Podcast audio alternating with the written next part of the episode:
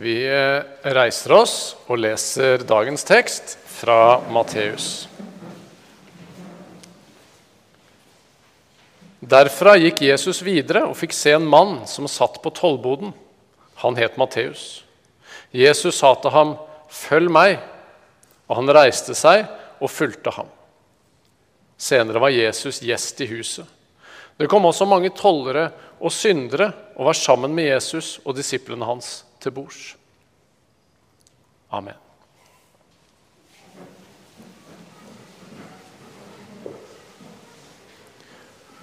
Jo mer jeg har tenkt på temaet gjestfrihet i det siste, jo, mer, jo flere ting har poppa opp, jo mer kaotisk har det blitt i tankene mine. For dette temaet dukker jo opp overalt. Det fins så mange steder vi kan gå. Men eh, la oss nå legge ut på en liten reise sammen i Bibelen. Noen få stopp under overskriften 'gjestfrihet'. Og Vi kan jo starte helt i begynnelsen, hvor Gud lager en hel verden til oss. Han inviterer oss til å leve i hans paradis. Han ber oss hjem til seg, ikke bare som gjester, men som hjemme, som sammen med Gud. Og Gud skapte mennesket i sitt bilde. I Guds bilde skapte han det. Som mann og kvinne skapte han dem.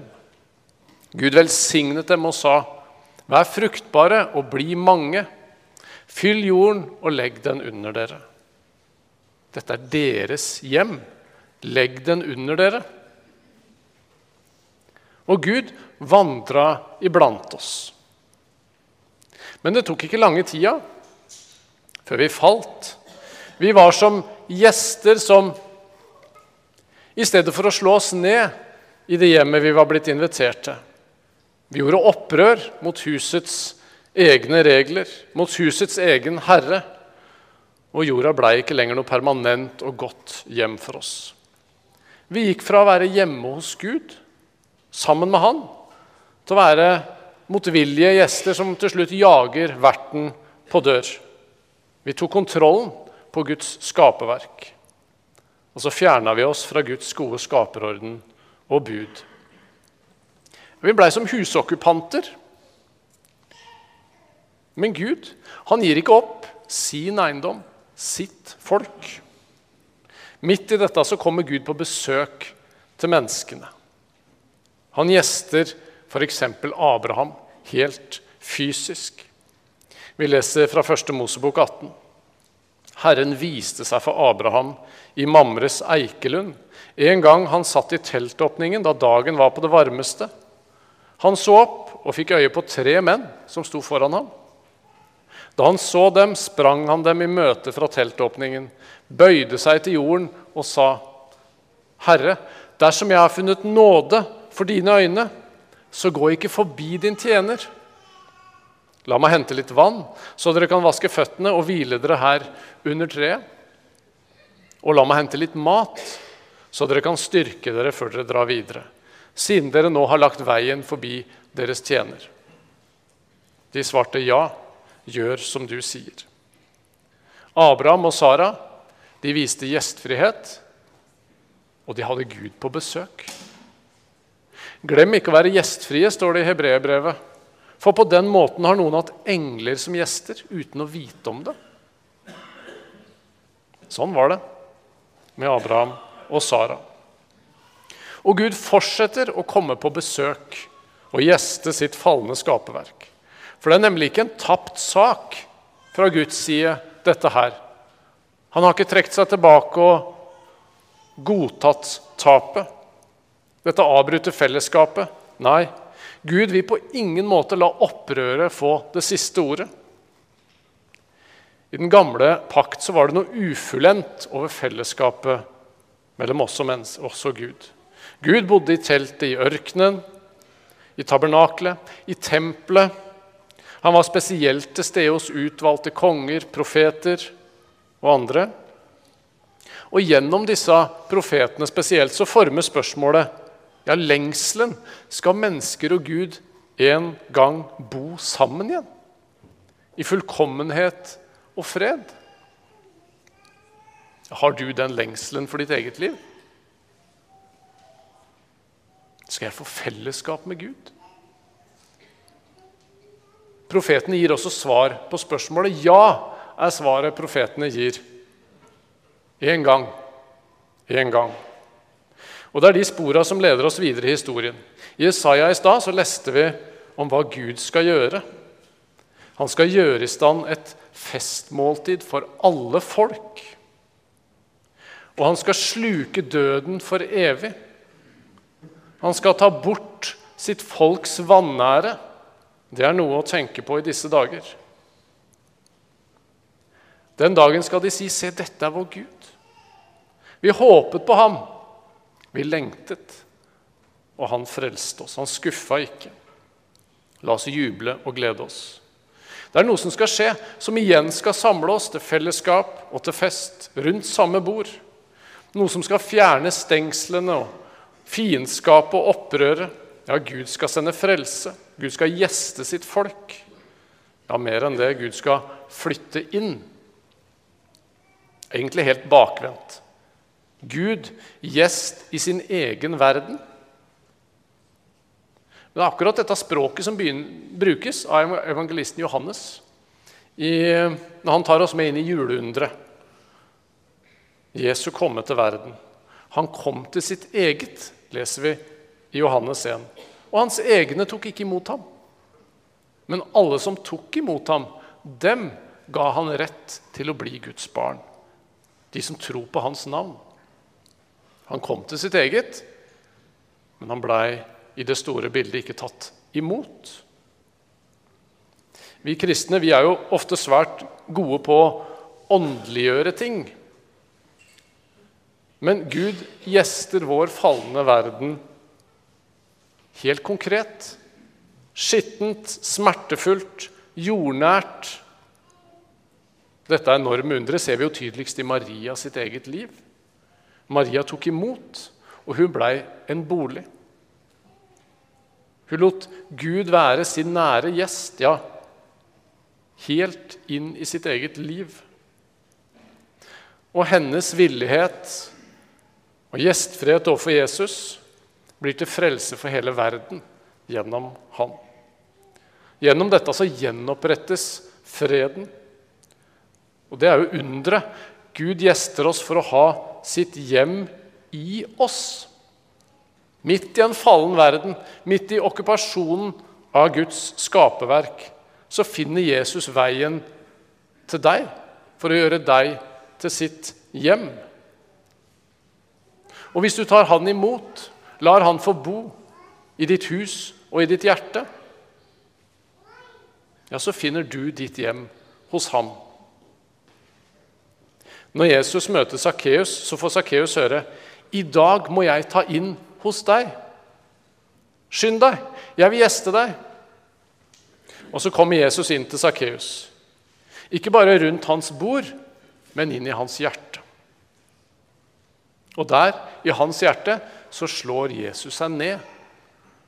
Når Jesus vandrer videre i Galilea og i Samaria, så har Jesus, er Jesus værende i Sakkeus sitt hjerte ved sin ånd.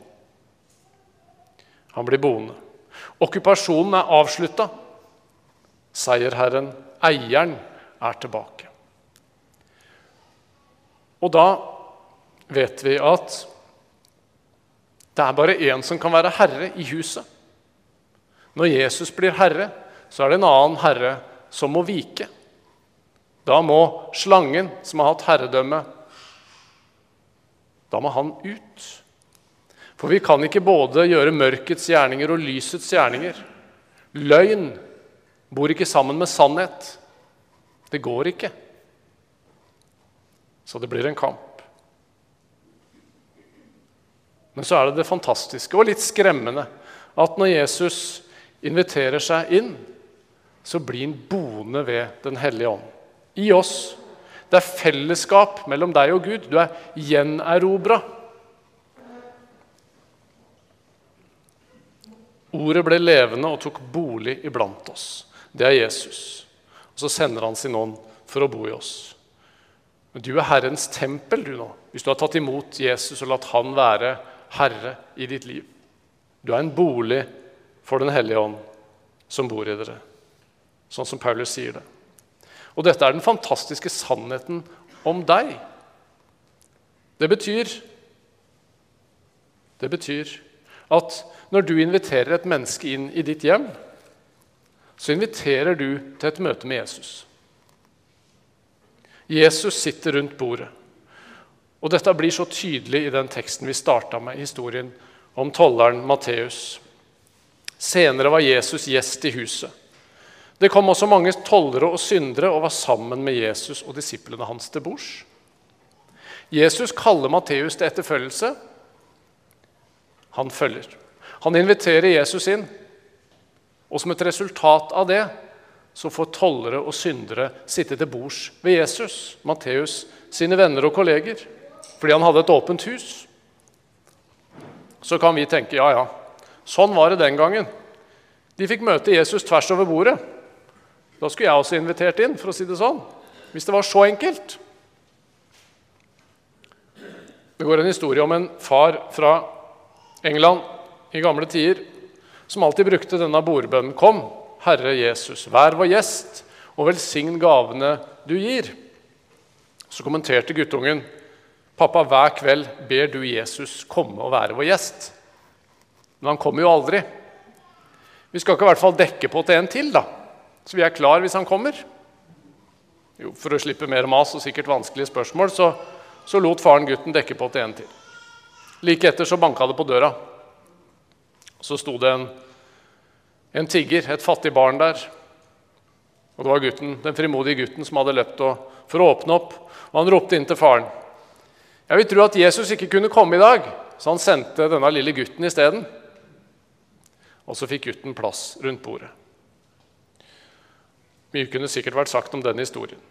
Men la oss ikke komplisere dette mer enn nødvendig. Gjennom gjestfrihet så får gjestene møte Jesus når han bor i hjemmet og bor i hjertene. Gjennom gjestfrihet så får Guds elskede barn besøk av andre Guds elskede barn. Ja, hvem vet om ikke vi har engler på besøk, som Bibelen hinter til? Når vi ber andre inn i vårt liv, inn rundt våre bord, og kanskje har vi frimodighet til å be en bordbønn, ja, så er Jesus ved vårt bord. Der hvor to og tre er samla i mitt navn. Er det ikke det vi gjør når vi ber en bordbønn? Vi inviterer Jesus inn. Vi er samla i hans navn.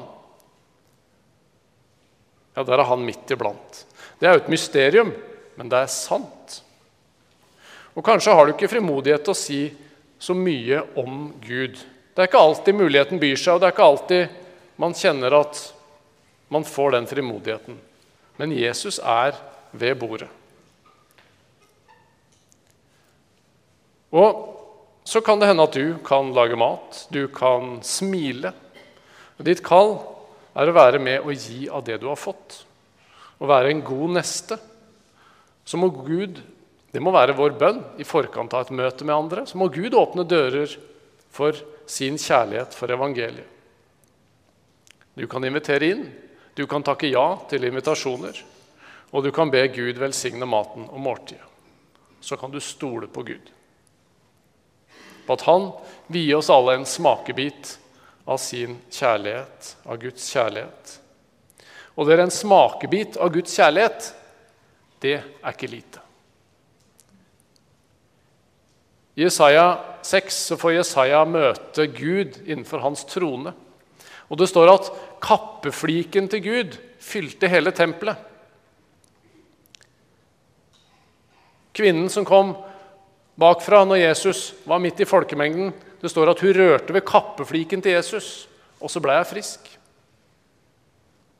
Kraften er ikke i maten eller i pynten eller i om det ser ryddig ut som et magasinhjem. Langt ifra. Kan det være en større tillitserklæring å bli invitert inn i et normalt hverdagshjem? For der er det jo bare de nærmeste vi slipper inn. Kraften er i at Den hellige ånd får lov til å være til stede og møte nye mennesker. Og dette er overhodet ikke vårt verk. Men hvis du er en bolig for Ånden, og da Han får plass, så er det ikke til å unngå at dette skjer. Og du får være med på det. Det er det store. Å være gjestfri overfor kjente og ukjente, det er å følge Jesus. Det er å gjøre Guds gjerninger. Det er å gjenerobre okkupert territorium. Det er å gi videre det vi har fått for ingenting. Guds gode gaver. Og det motvirker ensomhet. Det skaper fellesskap. Når vi samles rundt bordet i nestekjærlighet og varme, så tegner vi også et avbilde av det som skal skje der framme, som vi leste i Jesaja.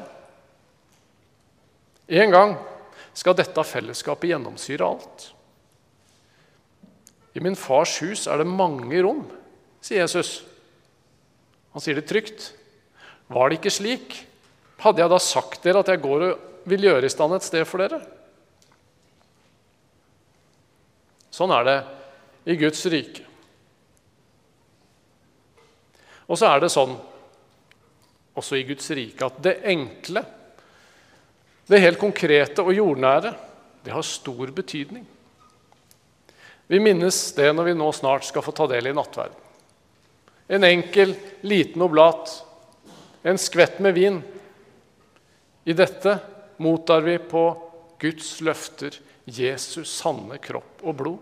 Jesu tilstedeværelse i oss, i meg, og sant fellesskap med Han.